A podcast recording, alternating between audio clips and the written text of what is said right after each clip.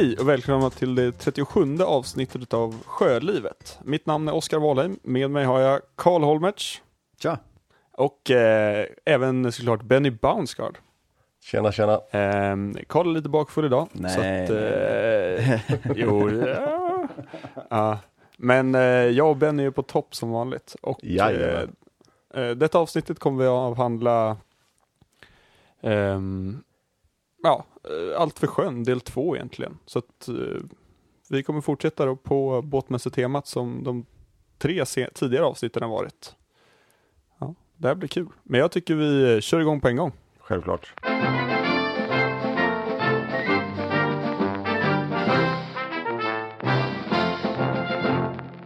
I eh, förra veckan så hörde vi ju när, eh, ja, vi berättade ju när du och jag Benny, vi skulle ju gå på den här Galeon, vad var det?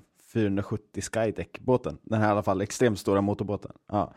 Och försökt få med Oskar på det där och, och, och Oskar totalvägrade. Jag sätter inte min fot på den där, sa han. Eh, och sen när vi var klara så gick vi och letade upp Oskar. Då hade ju du gått till någonting du brinner mer för. Kan vi inte lyssna Ja, lite på det? alltså- vad, vad, vad var det du gick till? Du gick till en If-båt va? Ja, till en helt vanlig IF.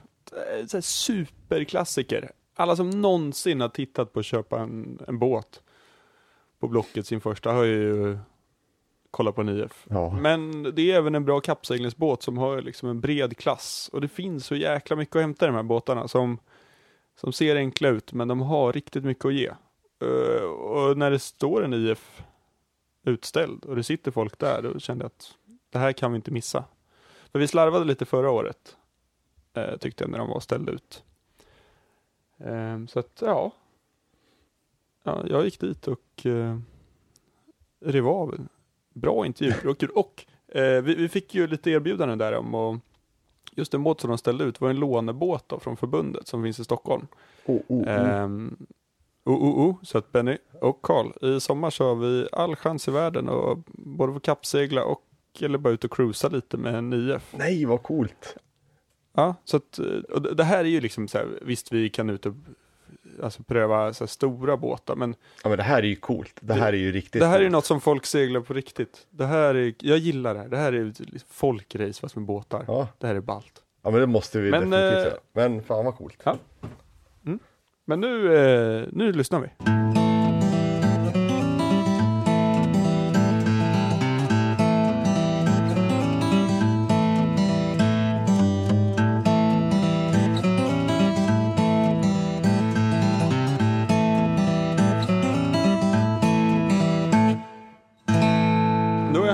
En, eh, inte den nyaste båten på mässan, men eh, en av de härligare, helt klart.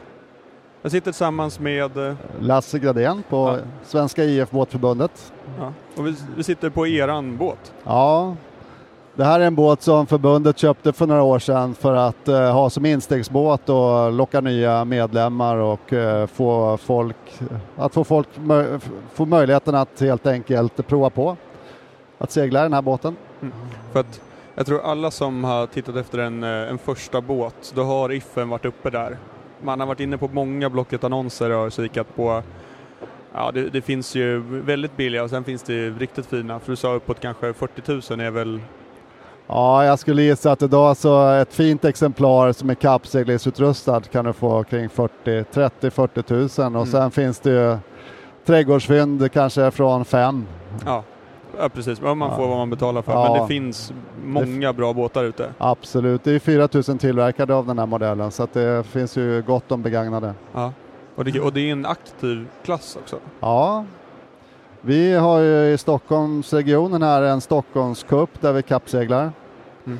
Det är fem eller sex tävlingar som är uppsatta på listan i år plus att vi kör SM då varannat år på östkusten och varannat år på västkusten. Går det på östkusten i år?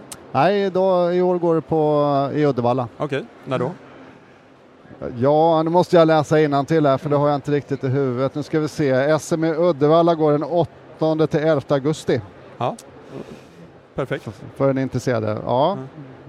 Så vi börjar ju egentligen med Orne runt, det är Lidingö runt, Jungfrusundsregattan som förutsätter Mälarvarvet. Jajamän. Och sen eh, har vi då eh, regatter i Uppsala för de som är aktiva där uppe, eh, USS-regattan.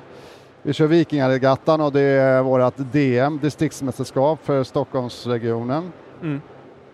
Och sen på hösten kör vi Gäddisregattan och vi är några som brukar vara med på Hyundai Cup och höstrasta ute i Ja. Mällan på Björken, Ja. fjärden. Precis. Och det finns ju många iffar som är riktigt aktiva och kör. Ja. Ni håller SM-status. Ja, om jag gissar lite så är det ungefär 50 stycken eh, akti- riktigt aktiva kappseglare i Sverige, Mm. runt om i Sverige och vi kanske är hälften i Stockholm här. Så på, på ett SM drar vi 20-25. Någon gång när jag har varit med, jag har seglat i 10 år nu och varit uppåt en 30. Mm, det är bra. Och det här gör ju att Alltså det håller ju värdet på båtarna. För att finns det en aktiv klass så finns det kunskap. Eh, och köpa en båt där, där det som inte så många har. Man får börja på väldigt mycket på noll då. Vart ska beslag sitta? Vilka segel är bra? Man köper en IF, då finns det ju liksom eh, folk med kunskap säger ja men eh, det här ska man kolla på, så här ska det se ut. Eh, och man kan få tag i begagnade segel. Absolut, jag brukar säga det, eller jag brukar själv reflektera över det att en kappseglingsklass som har en bred cruisingklass, det föder och göder varandra lite grann. Vi behöver ha en bredd för att få en rekryteringsbas till nya kappseglare. Och vi som är aktiva i förbundet och eh, gillar den här båten, vi dokumenterar eh, kunskap på hemsidor och genom, genom eh, så att säga, olika projekt och eh, kan hjälpa till för de som ska liksom st- stiga in i klassen och, och kanske inte initialt börja kappsegla men ändå, ja, det finns mycket kunskap att hämta i- hos förbundet när det gäller själva båten. Om man ska köpa en NIF då, vad, vad är det man ska titta på då? Jag skulle vilja säga om man är, om man är driven av att det ska kosta lite så bör man titta på eh, egentligen tre saker. Det är, det är riggen. Ja. Riggen är dyr att byta ut Ja. så att den bör man titta på. Sen är det bra om man har en snurra som funkar om man eh, ska ut och in i hamnen. Det är en ganska stor utgift. Och sen är det ju då segel. Själva båten är så pass enkel i sin konstruktion så att det är väldigt sällan som det är något fel på själva båten. Nej. Så att den, den är gediget byggd. Ja. Om man vågar också göra någonting med en sån här båt. Alltså man, man vågar testa och man, det går att spackla i en hål Oh, ja. och måla över. Så det, är, det är ju det härliga med de här båtarna. Att man törs göra själv. Och det är ju ett superbra sätt att lära sig på också. Absolut. För det är en meckaklass där tänker jag också, att folk gör själva.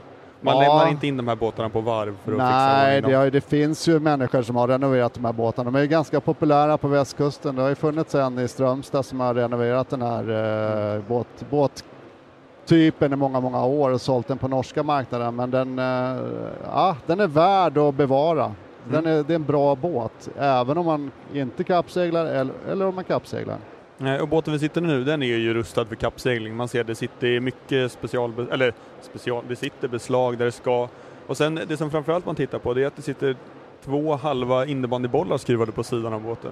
Ja, det där är ju det där är beslagen för sprayhoden och när vi kappseglar här på bana så tar vi bort sprayhoden för att inte skrapa kläder och segel Ah. mot den där knapen så sätter vi på små halva bandybollar för att skydda. Ja.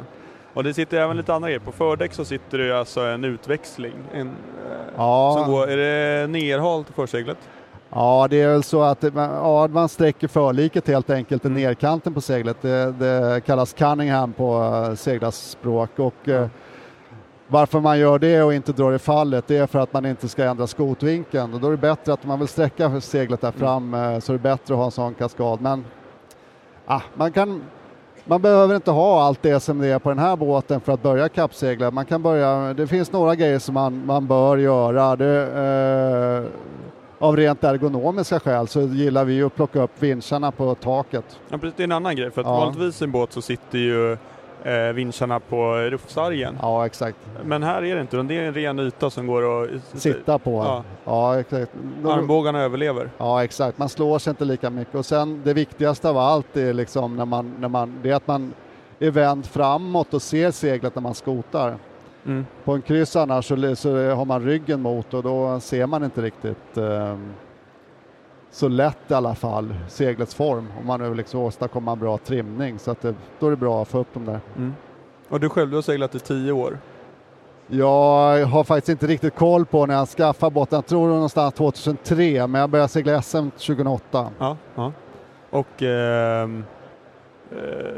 hur har den resan varit? Har det varit? Känner du att det varit svårt eller har du fått hjälp av förbund och liknande för att komma igång? Det jag vill påstå, jag seglar i andra klasser också, det här är en av de mest sociala klasserna som finns. Man får väldigt mycket hjälp av, eh, av medlemmarna och det är väldigt socialt att komma på tävlingar också. Man blir omhändertagen så det var därför vi fastnade i klassen, för det var, så, det var en social grej helt enkelt. Mm. Och sen är det kul när man lär sig segla, men det är ingen självklarhet att man snabbt lär sig, eh, vinner den här klassen. Det är många duktiga. Ja, det kan jag tänka. Och det är, alltså det är en trygg båt att segla också. Det är långkölat men den, det är bly där nere. Och det är Ja. ett, utanpåliggande roder som är, ja, Ja, den, den, den, det är en robust konstruktion. Den är Mm. långkölad men ändå inte... Det går att segla den här båten fort men, men det, det, det, när man på cruisar runt då är det lite roligt att segla den här båten. Man slåss lite i underläge och... eh. Men ändå håller man hög fart och bra höjd med den här båten. Ja. Och man lär sig segla den rätt. Så det, Om man racear med tre segel, ja, stor fock och spinnaker. Det är, eh, det är en stor, ett storsegel och det är en Genoa. Mm. Det, går, det finns en fock till den också, men när man tävlar så är det mest Genoan och den, den bär de seglarna kanske upp till 12-15 meter om man eh, seglar rätt. Mm. Och sen är det spinnaker då som man kör. Mm. Och spinnaken är som ett ballongsegel man Ja kör på exakt, undanvind. det är ett undanvindssegel som man, ja, som är som en blåsa. Ja, och det är kul för då blir det lite mer segelhantering också. Att det är spännande att trassla in sig lite och det, man Ja. ska upp med den där och alla ska upp samtidigt vid rundningsmärkena eller ner med den också. Ja, ja men det, det, det är det som, det finns ju två olika sätt att tävla med, med en båt. Dels kan man segla skärgårdsseglingar och då seglar man mera på fart runt någon, eh, några öar eller några Mm. prickar. Men när man seglar bana då är man ju väldigt tight in på andra båtar så då blir det mycket manövrar och närhet till andra båtar. Så Mm. det, det är vad man tycker är trevligt. Vi gillar ju bankappsegling för att det händer, händer Ja. mera och det, är- det är utvecklande att segla. Eh, mycket av kappsegling är ma- att manövrera båten Ja. och ett lagspel kan man väl säga. När ja, det är oerhört. Man ska ju fungera som eh, en myrstack Ja, egentligen. Det var som våran segelmakare sa att om du, om du, om du kappseglar och, och kör en enmansbåt då tar det en timme att lära dig en sak. Mm. Samma sak en tvåmansbåt tar två timmar och är det tre som vi ofta är i de här båtarna då tar det tre timmar att lära sig samma sak. Så det är en utväxling för att det är ett samspel mellan, mellan personerna i besättningen. Men och i sommar, då har vi fått löfte på Sköllervik att få komma och pröva och segla den här båten. Absolut, det är bara att höra av sig. Ja. Den här båten, eh, Pryda Marie då, som eh, ägs av förbundet, den ligger i Edviken och eh, är till för att eh, sprida kunskap och få nya kappseglare till klassen och även sådana som seglar i på andra orter kan komma till Stockholm och, och använda den här båten. Så Ja. att, eh, Och det är ju själva su- idén med den här det är ju båten. superhärligt och eh, ja, vi ser fram emot det och kommer Ja. verkligen ta tag i det. Så vi Mm. tackar så jättemycket. Tack så mycket.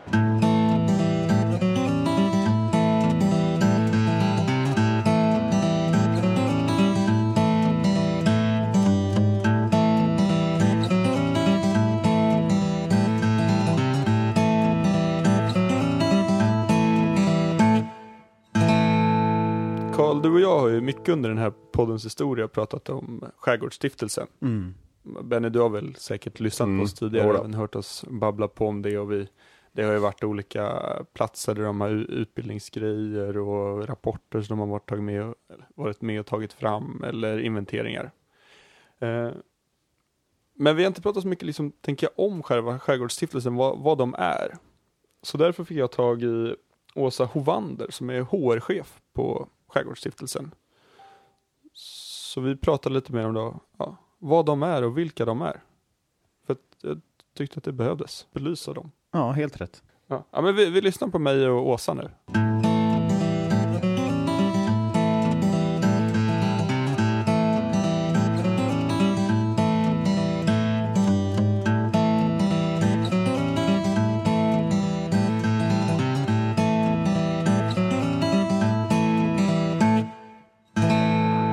Står jag tillsammans med Åsa Ho- Hovander. Ja, precis. Ja. Du kan hålla mikrofonen ganska nära. Så. Ehm, och du är från Skärgårdsstiftelsen Ja, och du jobbar där med, jag är HR-chef, HR-chef. personalchef på Ja. Skärgårdsstiftelsen. hur många anställda är ni? 70 ungefär. 70? Ja, Mm, fast anställda. Fasta? Ja. 40 ute i fält, ungefär Mm. 30 på kontoret eller på kansliet som ligger på Skeppsholmen. Ja. Precis bakom kanonerna. ja, men precis. Där har Mm. man ju varit och gått förbi i alla fall på ja, kanske till Moderna. Museet. Det är där Åformässan är också på Mm. somrarna. Och eh, eh, ni är personal som gör allt möjligt. Ja, vi har ju personalen på kansliet är ju med oss stabsfunktioner. Mm. Ekonomi och HR och marknad, kommunikation. Våra projektledare, byggprojektledare Mm. som jobbar med våra eh, fastigheter och, och investeringsprojekt i skärgården. Mm. Eh, och sen även naturvård och miljö som gör bland annat Levande skärgårdsnatur. Det Mm. projektet Och det är ju något som vi har tagit upp tidigare i podden och pratat Mm. kring då hur det är med sälar och örnar och liknande. Ja, exakt. För det- är det som är kul, det är ofta det man pratar om, så bara, åh det var skit för vi var ute och vi fick se, såg tre havsörnar Mm, liksom. Och det, Det är jättehäftigt. det är det man berättar om. Och det är otroligt häftigt om man tittar i den här broschyren också, ser du hur vilket enormt arbete det är att hitta alla de här alltså, fåglarna och titta på och göra fågelinventeringar som vi också super, gör under, ja, men alltså, under högsäsong. Hur långt ut de är och hur avancerat faktiskt jobbet är. Ja. Så.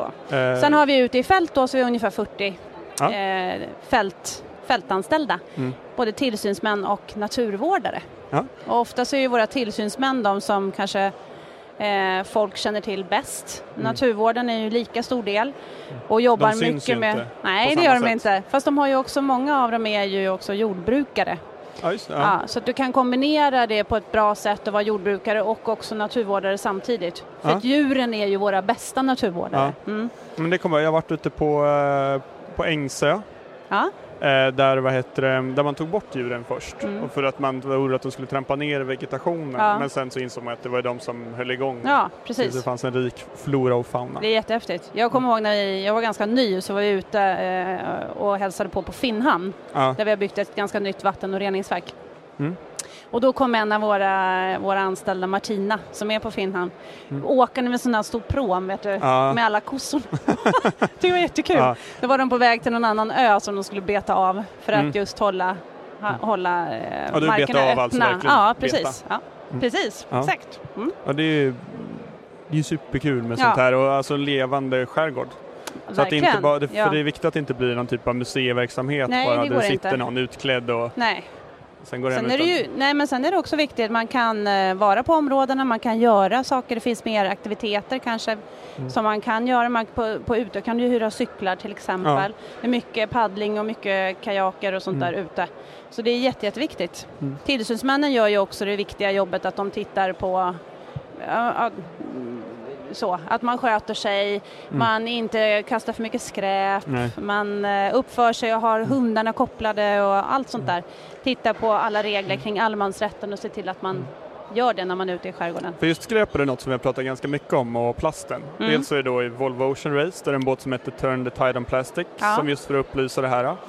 Sen även så intervjuade vi eh, två personer förra året eh, på mässan som eh, skulle ro runt Svalbard Ja, som det gick. Det gick väl rätt bra men jag tror de frös in lite så att Aha. nu ligger projektet på is så att säga. ja, Men de har nu ett projekt igång, jag träffade dem nyss. Eh, Mm. Och då ska de eh, ta sig till Almedalsveckan med hjälp av en flotte då, som de bygger Mhm. av eh, alltså, plast som de hittar, häftigt. spökgarn och grejer. ja, ja. Jag tror att den skulle heta någon så här plastiki eller något liknande då. Mm, eh, mm, Som en referens till den här Mm. ja, Kontiki. Mm. Det är jätteintressant. Ja, Verkligen.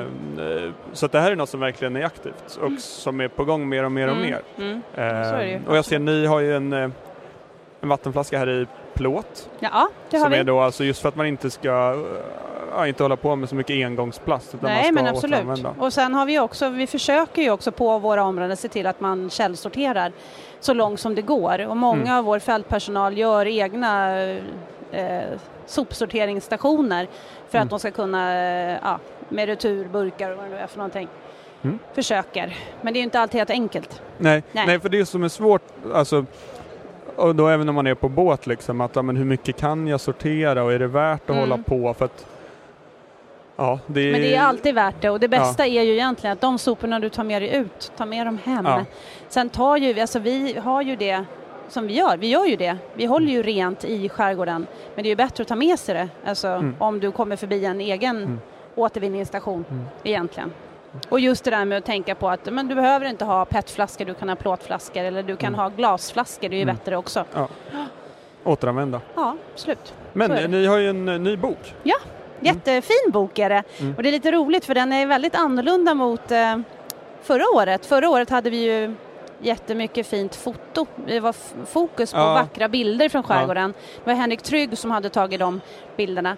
Men i år så är det eh, bra tips ifrån vår fältpersonal. Den heter ju eh, Skärgårdens fälthandbok. Ja. Den är ju inte bara då egentligen Stockholms skärgård som den går att tillämpa i. Ja, nej, nej, nej. Det går att använda precis överallt. Ja. Och det är både det här, men du har både med livräddning, du har första hjälpen, du har eh, allt ifrån det här med renhållning, eh, vilka regler som gäller när man kommer ut i skärgården, mycket kring växtlighet och, och havet och, och hur det funkar. Men sen har du också personliga tips som vår fältpersonal eh, berättar om, som de Jag har lär hört om sig. att göra eget diskmedel. Ja, absolut. Ja, med ja. björklöv på något sätt. ja, jag tror det. Ja. Sen vet jag att en av våra tillsynsmän, en av våra fältpersonaler på Grinda sa att har du fått eh, meckat för mycket med traktorn eller med båten så tar du bort motorolja med matolja, med Ja, rapsolja. li- lika löser lika. Ja, ja, precis, exakt. Gammalt. Så, så där är det är jätte, jag tycker det är jätte, jätteroligt, verkligen. Mm. Ja. Och det är kul för de har så enormt mycket,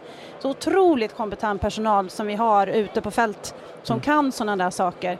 Allt ifrån, du vet, man kan, de, man kan fråga dem om precis vad som helst, de Ja. För att det inte finns någon som kan, det går liksom inte att bara köpa en lösning utan man behöver kanske göra en lösning själv eller Ja, skapa också den. för att det ska vara så eh, naturmedvetet som möjligt och att det ska vara anpassat utifrån skärgården. Mm. Så kan jag tycka. Mm. Så det, den är jätte, jättefin, verkligen. Jag Det är jättekul. Jag är familjemedlem då. Ja. Eh, Så jag har precis hämtat upp den här boken så Ja, jag kommer kul. verkligen se till att... får du ha i båten som en bibel Ja, tillsammans med områdesguiden. Ja. Mm. Ja men det är alltid med. Så Mm. det är ju kul. Har du själv något tips på något ställe i skärgården som något så här Jag riktigt smultronställe? ju, ja litet är det väl inte, men Finnhamn är ju Finland är mycket fint. jättefint. Mm. Och jag gillar att, eh, du vet, då åker man ut på sensäsongen Ja. För det gjorde vi mycket med kollegorna förra året. Då var vi ute i oktober, det var strålande solsken, det var 15 grader varmt. Och så åkte vi till Finnhamn och åt på restaurangen där. Och där har de ju upp en takterrass. Du Ja, ser är över hela skärgården. Ja. Det var fantastiskt. Det är jättefint där också söder omkring hela Lådna låren och Absolut. alltså, Sen är ju. Nottarö också eh, fantastiskt bra och väldigt bra mat. Mm. Han är jätteduktig vår krögare där, Mm. Peter tror jag att han heter. Eh, så dit kan man åka om man vill ha bad och sol och god mat i en Mm. kombination. Ja, men härligt. Ja, Tack så jättemycket. Ja, tack, tack.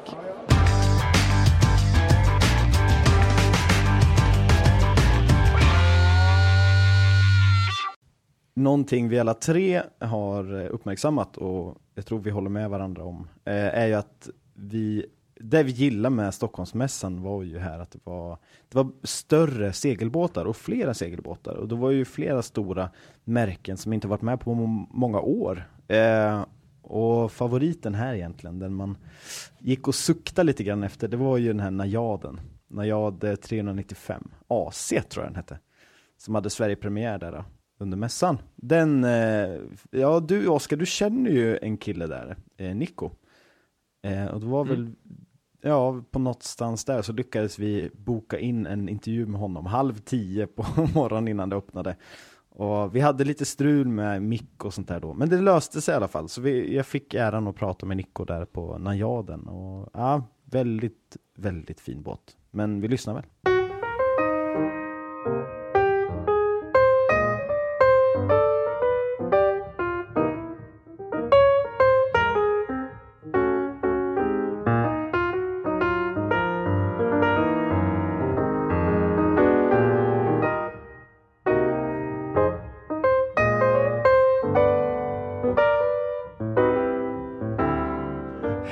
Hallå där, hej. Hej! Hur är läget? Väldigt bra, väldigt bra. Det är fantastiskt att vara här på mässan igen. Vi sitter ju på mässan. Du ska snart berätta om båten och vi ser lite i bakgrunden här så görs båten i ordning för här om bara några minuter så kommer det dyka in folk som vill in på den här Precis, båten. precis. För det är ju en höjdpunkt. Det har varit fantastiskt mässan. intresse. Det har varit Ja. fantastiskt intresse och den här båten är ju helt färsk. Den är en månad gammal ungefär. Vad är det för båt?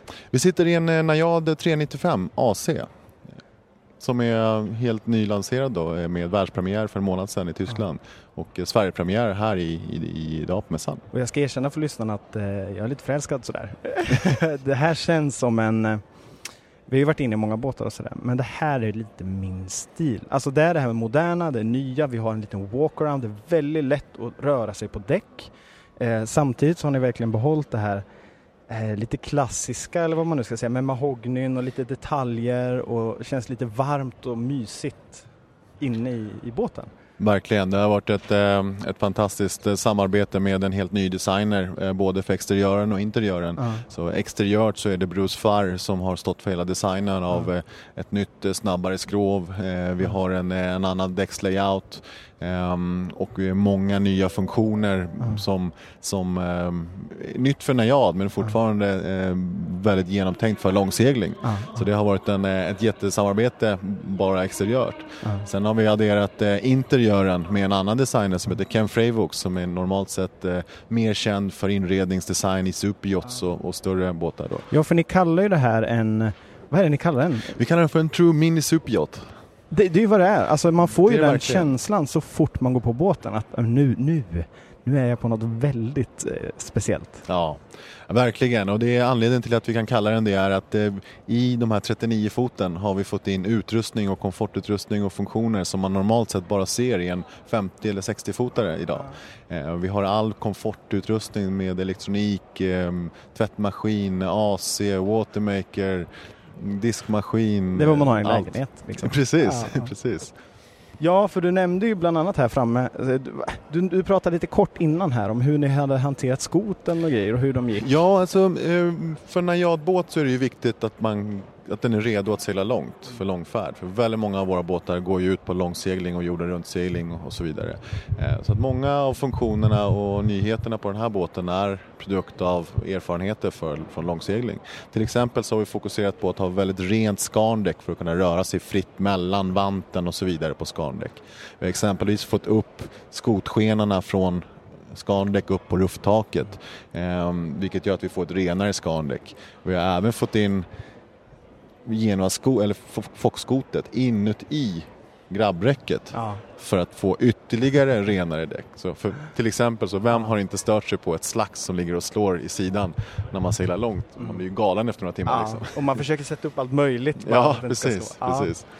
Eh, alltså vi, det finns ju hur mycket som helst vi, man skulle kunna prata om. Vi kommer även filma lite så man får se här inne. Men ni har ju fått in två toaletter med dusch i en 39,5 fot till och med. Och du nämnde att man kunde gå in i maskinrummet.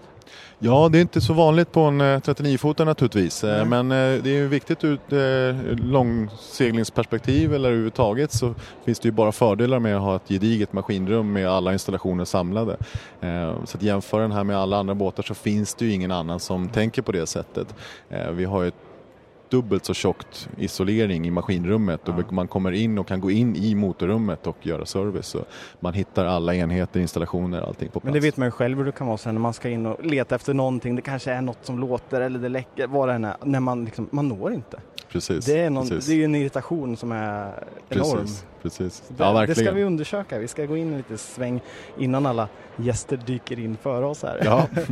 Men eh, vad har vi, alltså jag frågar dig lite kort, vad kallar ni en sån här? Vi har diskuterat det här i podden. Ja, nej, det Det här är en vindruta i glas. Eh, och- Vindruta, och, ja, kan vi absolut. absolut. Och, och det gör ju en stor skillnad jämfört mot att ha en sprayhood. Ja. Eh, för ett sprayhoodglas blir ju väldigt svårt att se igenom. Speciellt när du har vikt den några gånger fram och tillbaka. Medan ett, Och ett riktigt glas, och så får man Mm. byta. Det här är ett härdat glas som, som håller för det mesta. Mm. Eh, och dessutom så ger det en helt annan genomsikt eh, när man sitter under det i dåligt väder. För även i regn och dåligt väder och översjöar så kommer du ha en bra, god sikt här under. Och, och vad gör man i dåligt väder? Jo, man sitter och gömmer sig under, under sprayhooden och har en bra sikt här istället. Så det är en stor skillnad. Ja, vi har diskuterat lite sådär vad, vad just en båt med sån här ruta kallas. Men det, vi, vi, vi Ja. har säkert något ord på det. Oskar har något bättre koll. Men det är också någonting jag reflekterar över är att många nya båtar, då har man, de är ju rätt så långt, alltså i sittrum vid rattar så är man ändå hyfsat nära ytan. Alltså att man har rätt så platt akter. Man är väldigt nära med Mm. en badbrygga utfällbar och allt det här Mm, för att det ska mm. bli plant öppet. Men ni, ni har väl, man är väldigt högt upp och sen har man några trappsteg ner till en utfällbar badbrygga. Precis, vi kombinerar ju, den här modellen är ju en AC-version. Vi gör den här 395 i en CC-version, det vill säga en center cockpit. Och det här kallas för aft cockpit.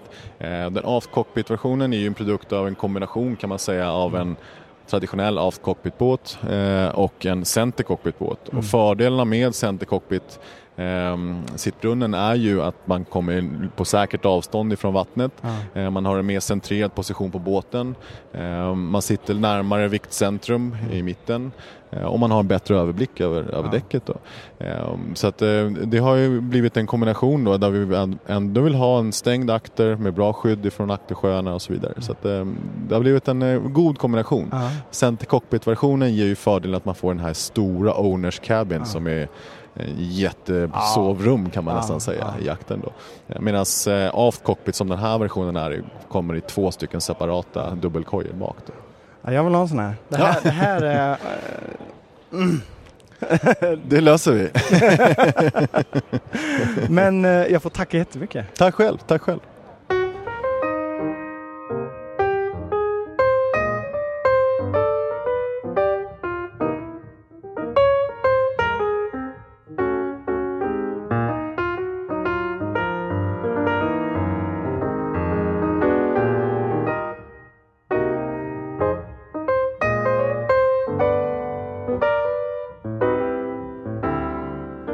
En av båtarna vi klev in i blev Benny, du blev helt ah, Du blev helt tagen.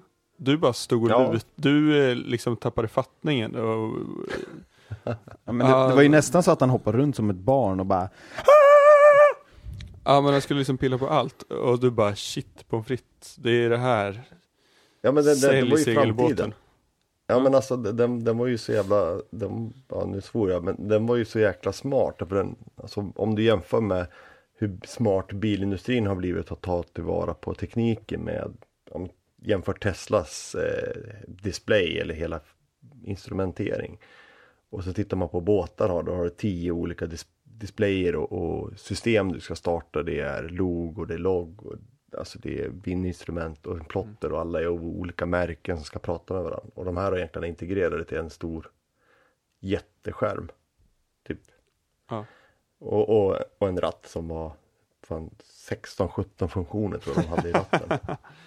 ja men alltså, ja men verkligen så här att ha ett system där du kan styra. Jag tror till och med de hade så här in delivery funktion som jag har på min, på min bil där du kan beställa mat från någon sån matleverantör och sen bara, ja, men lägg det i min båt och blippa upp så har ni tillgång att komma in i båten. Alltså, ja, men det var, det var, det var sjuk. Det var grym. Det är något annat än att köpa typ en så här Linder aluminiumbåt så bara åror. Vi fixar det. De, eh, precis. de har sålt ett större, de säljer ett större paket till en. Ja, ja men, men det var lite häftigt. Sen var det ju också att deras system har ju också det här, de, den här displayen som var helt egentillverkat och, och de har lagt ner mycket pengar på. Hade ju eh, Navico har köpt upp det då. Vad är det för båt vi pratar om? Hawk. Hawk 33 Explorer. Men de, hade i alla fall, de har i alla fall blivit uppköpta här nu då. Som, jag menar, de är ju, Nico, Navico är ju, typ, är ju ägare av Simrad och B, BOG och Lowrance och sånt där. Så jag menar, nu ska ju de använda deras system som en utvecklingsplattform i framtiden. Så det är nog värt att hålla ögonen på och se vad, vad som kommer här fram, framöver. Men vi, vi tar väl en lys, eh, lyssna på vad han säger.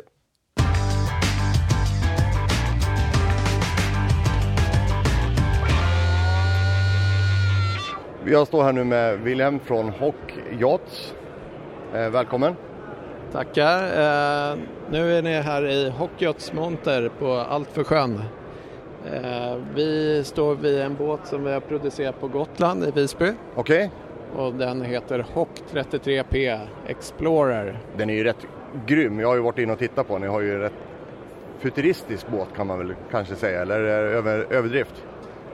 Det- är mer eh, en eh, förenkling av båtlivet ska jag säga. Att eh, vi har tagit tillvara det som är krångligt har vi försökt göra enkelt. Okej, Och det brukar vara krångligt att göra enkelt. ja, ja visst. Så det har ju tagit lite tid för oss att ta fram den här båten. Så vi har investerat väldigt mycket på utveckling och Mm. gått in i detalj på varenda produkt. Den verkar ju väldigt, alltså jag gillar ju användarvänlighet. Den verkar ju väldigt användarvänlig, alltså simpelt. Ja, ja, konceptet är ju att det ska vara enklare båtliv. Ja. Rakt igenom. Allt från hur du startar upp båten till hur du tar hand om båten. Mm, mm. Även materialvalen är mycket att det är avspolningsbart. Det ska bara vara enkelt allting. Det ska inte vara den här långa bökiga båthanteringen. och ut- utan dyner och allt det ligger kvar där det ligger. Mm. Ta inte in dyner. Okej. Dränerat. Eh, Du ska kunna komma och den är uppstartad innan du kommer med värme och kylen är igång. Mathem kanske har levererat din mat redan. Och sen eh, sticker ut på en skärgårdstur. Och det Mm. här är, den är till och med tystare i 40 knop än en Mercedes S-klass. i Oj. 110 kilometer.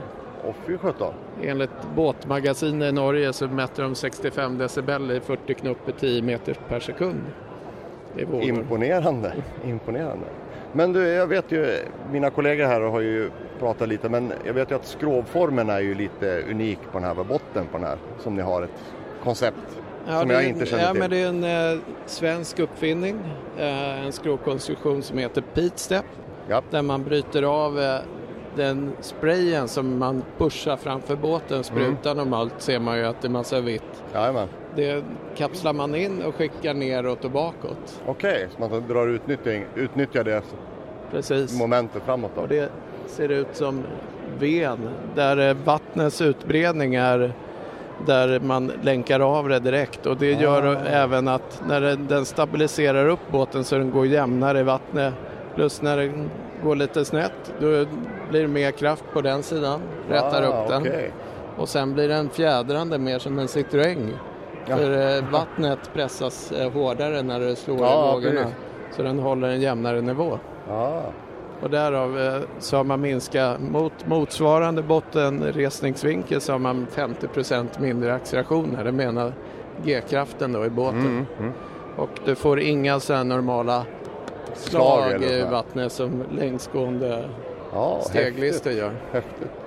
Så den är optimerad och vi har eh, planerat tillsammans med motortillverkaren vilka optimala speedfarter Ja. är. Så vi har gjort optimum på 28 knop och 38 knop. Jaha. Därav de olika stegen, eller listerna. Och annars är det precis som en vanlig V-botten. Mm. Och- Så att den är både snålare, mjukare och tystare. Häftigt. Ja, det är, men, men någonting som slår mig på den här när jag var inne och tittade i den här, ni har ju inte det här traditionella navigationsbordet eller vad man säger så. Ni har ju något, i alla fall i min, min vetskap, något nej, helt vi- unikt. Så där känns det som. Vi, vi har tagit bort ungefär sju displayer ur förarmiljön Ja. som du behövde starta upp individuellt förut. Och du behövde även trycka igång din navskärm Ja. när du startar upp båten. Här startar du med en knapp så går allt igång. Du har 16 funktioner på ratten med knappar som styr eh, systemen ombord. Du har även en joystick som du kan styra i hårt väder Mm. så du kan gå in i menyer som en eh, modern bil. Och sen kan du styra allt från din telefon Ja. eller tablet eller klocka.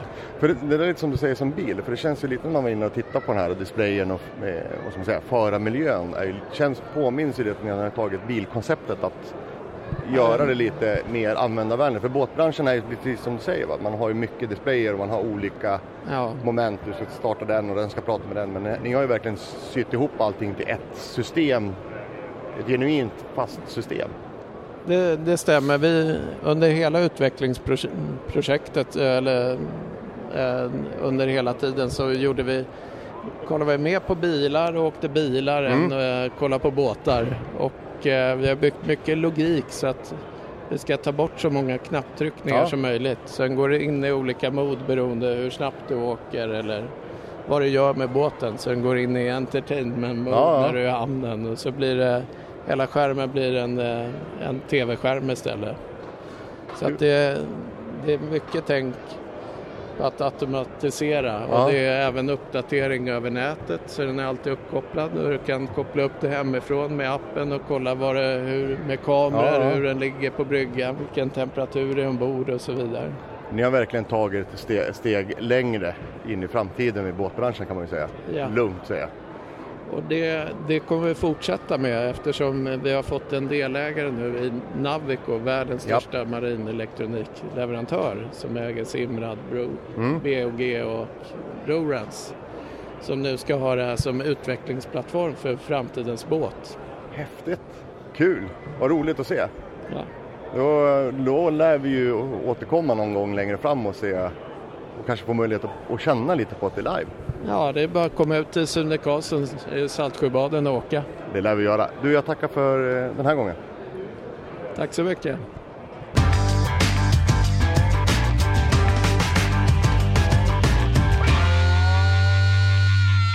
Ibland när man söker på oss eh, Sjölivet så hamnar man på en sida som heter Sjöliv. Och då har det blivit fel. Eh, Då handlar det om brygger och bojar och släpp till tankar och marinentreprenad. Men eh, vi såg att de, eh, de ställde ut i år på, på Allt för sjön. Det gjorde de nog förra året också. Året innan det kommer jag inte ihåg. Men eh, Karl, du och jag satte oss ner och pratade lite med dem. Mm. Och vi pratade väl kring eh, ja, men ganska så praktiska saker som man egentligen funderar på. Liksom, hur mycket is tål en brygga? Hur ska jag tänka, vad ska jag tänka med min boj? Eh, ja, och, och sånt där. För att eh, har man en båt så behöver man förr eller senare ha att göra med en brygga eller en, en boj. Mm.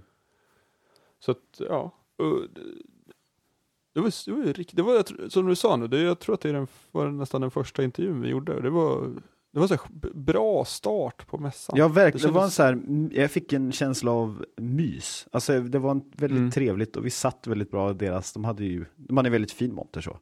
Och så satt vi där, hade det gött. Ja, det var ett bra start. Så att, eh, ja, vi, vi lyssnar på det här och, och lär oss lite för en gångs skull. Om något vettigt.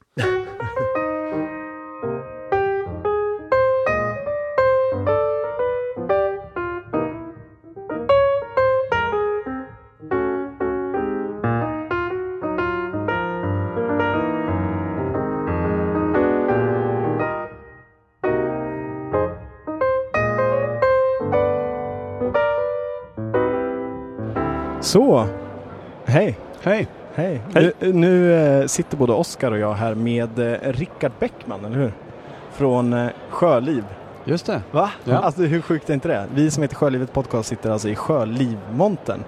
Eh, vi kom ju hit för jag hade en liten fråga där, men det kan vi ta snart. Jag tänkte först kan ju du bara få berätta, vad, vad gör ni för någonting?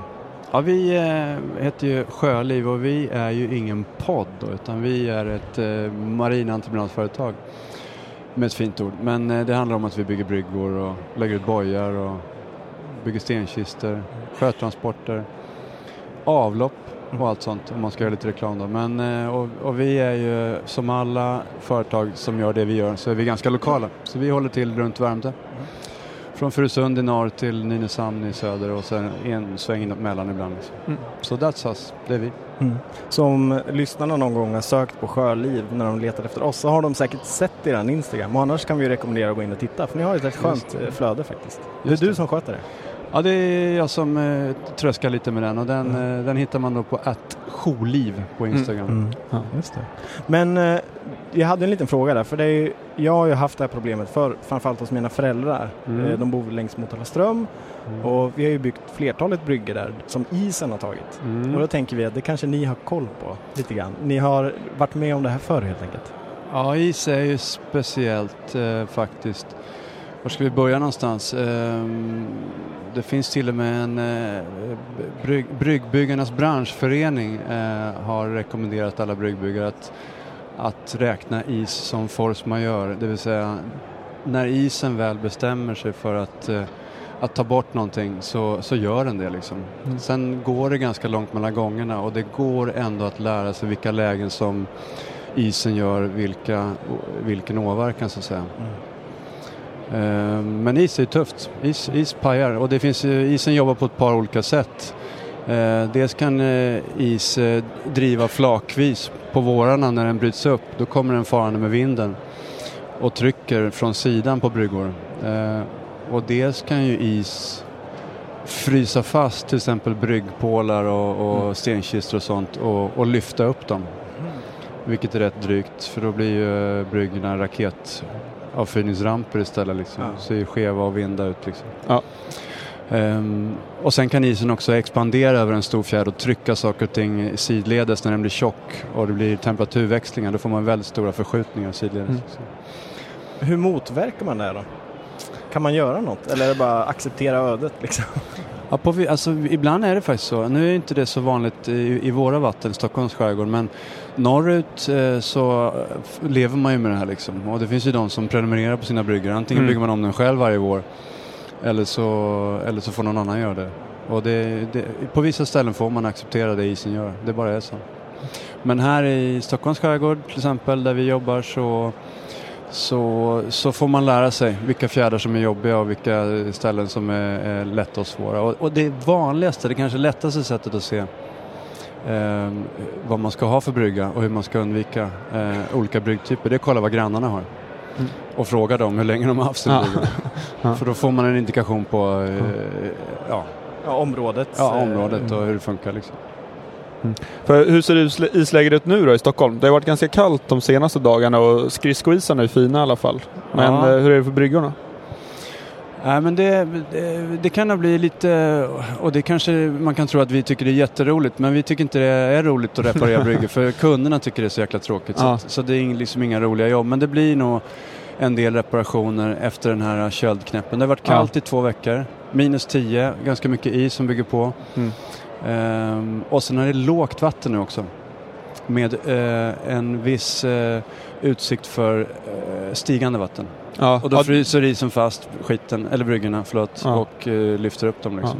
och då blir det bara mm, liksom hög, bröten kvar av det. Ja, det kan, ja, det kan det bli. Ja, men, ja, det är inte säkert att det blir Mm. bröte, men det, vi får den här islyftsverkan liksom. Så en pålad brygga ligger ju riktigt Mm. risigt till nu. Den, eh, en pålad brygga som inte är pålad långt ner i dyn, Mm. där berggrunden ligger nära, de, Ja. de pålarna har inte mycket friktion liksom. De Nej. kommer att lyftas. man Jag har råkat ut för det. Så Då har vi dig. I egen hög person, ja. precis. För att ehm, jag är ju, eller min familj har stuga på Blide ut mot Svartläggarfjärden och där ser Mm. man ju verkligen att när det har varit isår så är det saker som händer. Det är många bryggor som ryker varje vinter Ja. längs hela. Mm. Det blir mycket ved. Är Mycket ved. Mycket ved och mycket drivved ser man också sen på våren Ja. när isen släpper och blåser. Ja. Jag vet inte, har du några sådana, vet du några ställen i Stockholms skärgård som är riktigt där Aj. det lite för ofta får komma? Ja, men det, roliga, det är roligt att du nämner Blide eh, och där har ni lite otur för Blide nämns faktiskt eh, ofta när man pratar om utsatta lägen. Eh, Så det, det är tyvärr så. Mm. Sen i samma område, Hjälnan brukar vara rätt elak Ja. också vid islossning. Kommer en eh, drivande söderifrån Mm. is med vinden, isen. Eh, och fast man kanske inte tror det så är Mälaren ett rätt drygt ställe också att ha bryggan. Ja, det blir lite det blir rätt tidigt is så Ja. isen blir tjock och rätt kraftfull och, och får rätt mycket tryck. Mm. Tryckverkan liksom. Mm. Ehm, men annars så, nej jag vet inte. Ja, det var, jag, vet inte om jag ska berätta det nu men eh, det var det här med Edsviken eh, Ja, som men- hände för några år sedan. Ja. Eh, som var rätt fascinerande och, och var ju då ett bevis på att man egentligen inte kan gå helt säker någonstans. Och det var, eh, jag, jag, jag kan eh, ha kommit ihåg vissa detaljer fel men, men min version av den här historien är att Edsvikens is eh, smälte som den gör på våren och då smälter den ofta från land så att det, det blir ett stort flak kvar eh, i mitten liksom som Ja. kan glida runt. Och så blåste det åt ena hållet så den liksom hamnade i ena änden av Edsviken, den här ismassan och sen så vände vinden. Och så kom den farande, började blåsa ganska mycket så den kom farande, ja farande då i 0,2 knop. Så det var, inte, det var ingen fara för liv kanske men, Mm. men eh, när den väl träffade bryggorna på Lovarstrand med de här tiondels knopens fart så att Mm. säga, då var det, det var inget som satte emot. Det var, det var så många hundra ton så det var bara kaffeved av de bryggorna. Men var det stora alltså, hamnbryggor eller var det privatbryggor? Eller Nej, vad? jag kommer inte ihåg. Vi lagade en eller två av de där bryggorna om jag inte minns fel. Och eh, det var bara privatbryggor. Men jag tror att det... Ja, jag kommer inte ihåg. Det kanske var någon marin också som fick sig någon Mm. smäll. Men hur, hur, en annan fråga då, om man, Mm. hur tänker man på det? Bygger ni sådana här stora, lite mer hamnbryggor också eller är det mer privat? Nej, vi bygger, eh, vi bygger allt möjligt. Vi, vi sitter här och i, på mässan och eh, pratar och då ser vi just på våran eh, eh, annons här. Eller Det är våran- Nynäshamn.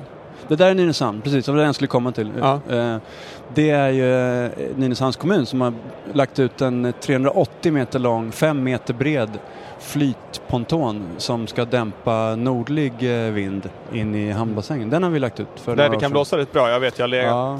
ganska många gånger där Nynäshamn och det, Ja. det kan vara lite tråkigt. Har du varit där sedan de sen Ja. ja. upp bilen? Ja. Det blir lite trevligare där Det har varit nu. jättehäftigt. Ja, det var jätte, jättefint. Mm.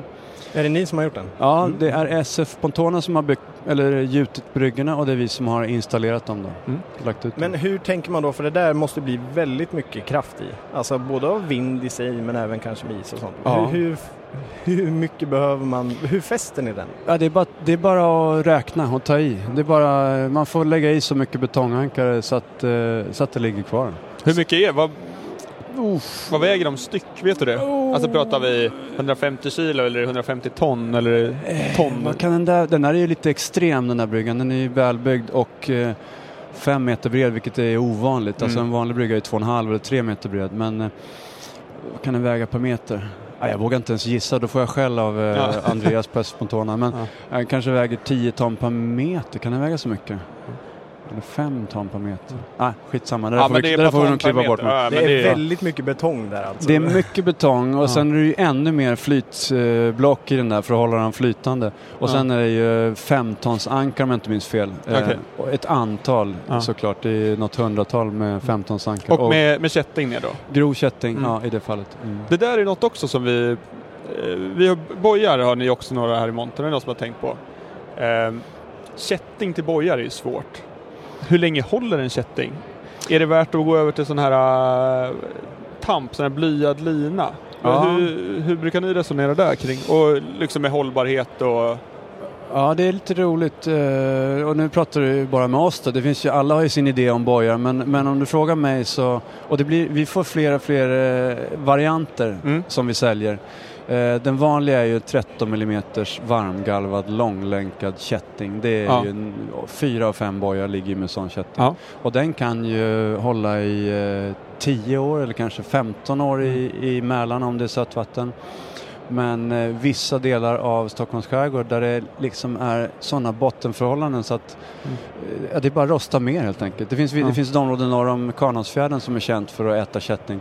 Och där kan det ta tre år innan en kätting går av. Ja. Men, eh, men eh, svar på frågan är inspektera efter fem kanske. Ja. Tre eller fem år kollar man kättingen och sen så får man Och- byta efter sju, åtta. Rekommenderar ni dubbeldragen kätting eller har ni en grov schackel nere som fäster eller? Eh, nej, vi dubbel, eh, nej, vi brukar inte köra dubbeldragen. Det är en variant man kan göra. Men Mm. då måste man ha ett, en större bygel för att kunna Ja. rotera. Det är lite strul med det. Eh, men det går ju absolut att göra. Ja. Eh, nej, om man då vill att det ska hålla längre då kan man, eh, som vi har börjat med nu, eh, lägga syrafast kätting eh, Okej. istället för den varmgalvade. Då håller det betydligt längre. Och sen finns det ju olika typer av lina. Ja. Vi har inte fastnat för den där plastklädda, eh, Mm. inlagda. Utan vi lägger en lina som heter, det är en siflexlina, det är en åttaslagen, Z-slagen polyesterlina som är ren liksom. Okej. Risken med den eh, får ju inte nötas för då går Nej. det fort. Men om den får ligga i fred så håller den ju hur länge som helst. Ja. Eh, men sen också isen är ett problem med bojar. Eh, jag vet att några låter bojarna ligga kvar men det tar de ganska mycket stryk av. Mm. Eh, antar att det är tupp dem men då problemet är ju att få tag i, i kätting och bojsten igen. Ja, precis. Eh, likadant där. Om isen bestämmer sig för att ta bort en boj Mm. så gör den ju det. Och då handlar det oftast om eh, att den fryser in bojen och så drar den den från land. Ja. Vilket den inte är van vid bojen. Den vill ju dra dragen mot Ja. land oftast med eh, en båt så att säga. Mm. Och från land så är det oftast nedförsbacke för stenen. Ja. Så att det blir ju dåligt eh, ofta. Eh, så då finns det några alternativ. Eh, Ett alternativ det är ju att låta den ligga kvar Mm. och då har man oftast tur och så får man be om hjälp eh, vart tionde år när, Ja. när väl isen drar iväg den. Eh, andra alternativet är att man eh, tar bort bojen och sänker ner kättingen på botten Mm. Och drar en sjunklina in till land Ja. och fäster vid någon av bryggstolparna. Liksom. Mm. Det är också bra. Men det är lite jobb och är det djupt så är det ju rätt jobbigt att, att, att lyfta kättingen och, och, och hantera Ja. kättingen från en liten båt. Eh, tredje alternativet som är något mellanting det är att man bara tar en ganska grov tamp Mm. och sätter i bojen och drar mot land. Mm. Kanske hellre ett träd än det där tunna knapet på bryggan. Eh, eh, för då får du dels så får du något som håller emot när isen drar utåt Mm. och dels så får du också något som gör att bojen rör sig mindre. Ja. Och då så blir du av med de där, eh, f- så fort bojen ligger själv och bara guppar runt så slits kättingen om du har kätting mycket fortare. Ja. Så drar du en tamp mot land så, så minskar du nötningen på kättingen Mm. och du säkrar också upp den lite mot is, ispåverkan. Det vi gör eh, hos oss då på Blidö, det är att vi, eh, vi fäster en, eh, som en saftdunk, Mm. en vit sån här grov plastdunk Mm. som vi fyller med lite vatten så den sjunker en bit. Mm. Eh, så vi låter den sjunka ner och sen på, eh, på våren så kommer vi fiska upp den med båtsaker. Ja, klockrent. Det och det perfekt. fungerar för oss. Ja, det är perfekt. Ja. Men då är det inte så djupt heller, det är kanske 2,5-3 meter bara. Nej, precis. Nej. Mm. Ja, det, är, det är ett bra tips också. Mm. Ja, det är många som gör. Ja men det är kul och ni har ju en, ni har en schysst monter här med, det är en del av ett bryggsegment och så är det en, ja, en någon eh, septitank här av något slag. Just det, det, det, det visar på våra avloppsarbeten. Eh, Det, är- det är någonting som, nej det ska vi ta ett annat poddavsnitt kanske. Men, nej, men vi, vi, Skitsnacket kommer sen. Precis. Nej, men vi har en stenkista som vi visar. Vi eh, visar våra arbeten med enskilda avlopp och så Mm. visar vi våra bojar som vi just pratade om. Ja. Som vi lägger ut. Och där ska jag faktiskt peka på en boj som är den röda där borta. Ja den ser ut som ett sjömärke. Den ser ut som ett sjömärke och det är en så kallad pålboj. Ja. Och den, eh, den, eh, det är en ny produkt från eh, Sipax som gör örnbojen. Ja, Ja, det är deras. Örnbojar. Den kanske ni har på... Vi säljer på Erlandssons brygga på Ja, samma. Det är nästan ja. som man kan jävlas och sätta ut sådana i en farled och lura Ja. folk på grund. Mm. Så kommer det grönt också. Ja. Nej. Nej, men den där är lite intressant för den, tanken med den där är att den ska ligga med sträckt kätting mot, bojen, eller mot botten. Ja, Det vill säga kättingen rör sig inte lika mycket. nej. Inte lika elakt mot bottenmiljön, slit, äter inte upp vegetationen. Plus Nej. att den ligger sträckt och nöts mindre. Mm. Så det är en ganska kul grej. Ja. Ska vi testa. eh, Och eh, att den kom, jag tänker att den kommer upp också ganska högt så den är lätt om man har en stor båt att få tag i. Ja, För annars får man ju ett ganska högt tem på bojen och då är det risk att den välter. ja Men det gör kanske inte den där. Nej det gör den inte. Nej den där kommer ju då... Är det lågt vatten? Alltså den, man får lägga... Den är därför den är så himla hög nu för den ska klara både hög och lågvatten. Ja. Men eh, så är det högvatten så blir den ju lite lägre. Mm. Men är det lågvatten så kommer den att, att kapsejsa. Men, men den, den ska läggas perfekt så då kommer den vara bra som du säger. Lätt att ta tag i och hög och, och trevlig att jobba med. ja, men kul. Mm. Det var kul att prata med er nu, Sjöliv. I och med att vi heter nästan samma sak har vi ändå haft koll på er ett tag. Så att, eh, ja. Vi kommer Tack. att höras mer framöver. Tack detsamma. Ja det tycker jag. Bra. Tack så mycket Rickard.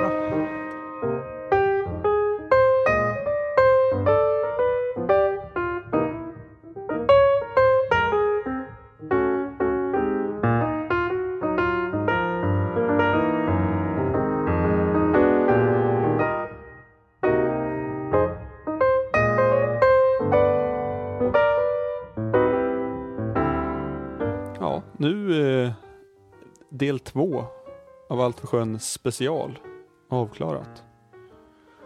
Och det här avsnittet släpps ju precis före påsk då på Idag är det väl eh, för er som lyssnar direkt när det släpps så är det väl torsdag, skärtorsdagen. Men eh, när vi spelar in så är det söndag. Så att, jag vet inte om ni redan nu har några några båtplaner? Benny, ska du, känns, känns som att det är vår i luften? Ja, men jag har ju rivit ut durken i båten här i, häromdagen så jag har eh, Jag har lite att göra. Och, Nej men jag ska fixa Jag ska fixa ny durk och sen eh, Så är det väl som alltid när man håller på med båt, man hittar alltid några nya projekt så Jag ska koppla in vindmätaren och Ja, ja men jag har lite smått och gött Mm. som jag ska göra. Karl, vad, ska du ner och mecka på, eh, på er båt? Nej, nej jag ska faktiskt eh, Jag ska fly landet ska jag, till eh, Oj. Italien en vecka. Eh, Tråkigt. ja, det är min morbror och bor där nere. Så vi ska dit och hälsa på. Mm. Och, så det blir inte så mycket båt eh, nu tyvärr. Även om man eh, Mm. Det kliar ju i fingrarna måste jag erkänna. Alltså. Ja, Ja. jag har ju idag varit i Hälsingland och åkt snöskoter och kört fast med den, så jag har ju spenderat halva dagen på att gräva loss snöskoter. Känns inte så vårigt, men eh, jag- ska ändå ut till- Blidö nu över påsk och då, vi har någon genomföring som behöver bytas, så att jag tror att vi ska börja med att försöka få loss den och sen eh, Alltså jag har inte varit i Stockholm på ett tag sedan båtmässan och då var jag liksom inte utomhus. Så att, eh, Jo, jag- du stod åt en korv i solen, det minns jag. Du vore nöjd. Ja, lördag, vilken lördag, det var i början på mars. Jag minns knappt det. Men den var god, den var stark och med lamm. Det var sist jag var utomhus i Stockholm tror jag. Men eh, ja, så den där genomföringen som vi ska börja byta på RJ'n då. Så det hoppas jag går Mm. bra. Men det är skönt i alla fall. Snön börjar försvinna och det är plusgrader och nu kan man äntligen börja göra någonting. Det har snöat mer i Sundsvall, det har kommit typ fyra centimeter till idag. Ja, tråkigt för dig. Men det händer ju Carl, Ja. eller Benny. Va? Det händer ju något kul om en vecka, eller bara en vecka efter vi släpper avsnittet. Vad händer då? Ja, ja men då kör vi igång eh, de här eh, vad säger, seglarintervjuerna eller de här längre intervjuerna som jag har kört. Så de kommer vi släppa varannan torsdag och sen kör vi podden, vanliga podden som den här podden, varannan torsdag. Så vi kommer att ha ett släpp varje, en gång i veckan. Mm. Och nu som kommer då nästa torsdag så blir det en, en intervju som jag gjorde med Annika och Björn eh, som seglar eh, en båt som heter Moon. Och har man inte varit inne på deras hemsida sailaround.info så kan jag definitivt rekommendera den om man funderar på att segla långt. För de, de kan segla långt och länge. Och det är en rätt intressant intervju. Så Bra. det tycker jag man ska lyssna på. Ja. Och det här är superkul när vi ökar lite, så vi hoppas att ni, eh, att ni uppskattar det här, den ökningen vi gör. Och vi, vi kommer hålla igång med det så länge som möjligt. Och, Mm. ja. Så glöm inte in. hålla koll då. För att som vi sa, det, vi släpper alltså varje vecka nu. Så man inte bara helt plötsligt Mm. glömmer det. nej, nej, precis. Och eh, vill ni höra av er till oss så finns vi som vanligt på Instagram och Facebook. På Instagram heter vi podd och på Facebook heter vi bara Sjölivet. Eller så tittar ni in på vår hemsida jourlivet.se och så kan ni slänga iväg ett mejl till antingen då info.jourlivet eller Oskar, Karl eller Benny sjölivet.se och så svarar vi. Och det är jättekul när det är över. Vi får mejl och Ja. vi blir glada. Det är kul. Och så finns vi på Youtube nu också. Måste det, finns på, det är galet. Ja, det är faktiskt det är jäkligt kul. Det har hänt Ja. massa grejer där. Ja. Så där måste man gå in och följa. Gå in och sök på Sjölivet på Youtube. Men eh, pojkar, jag tror att eh, vi rundar av det här. Karl, du måste eh, äta en stor flottig hamburgare och gå och lägga dig och sova. ja. ja, precis. Jag ska åka Vinna över vatten. bakfyllan. Jag måste det åka och storhandla nu. Det tar emot lite grann men ja, ja. Ja, det ska inte jag göra. Ja, men grabbar, ha det bra. Hej då! Ha det bra. Hej då! Hej.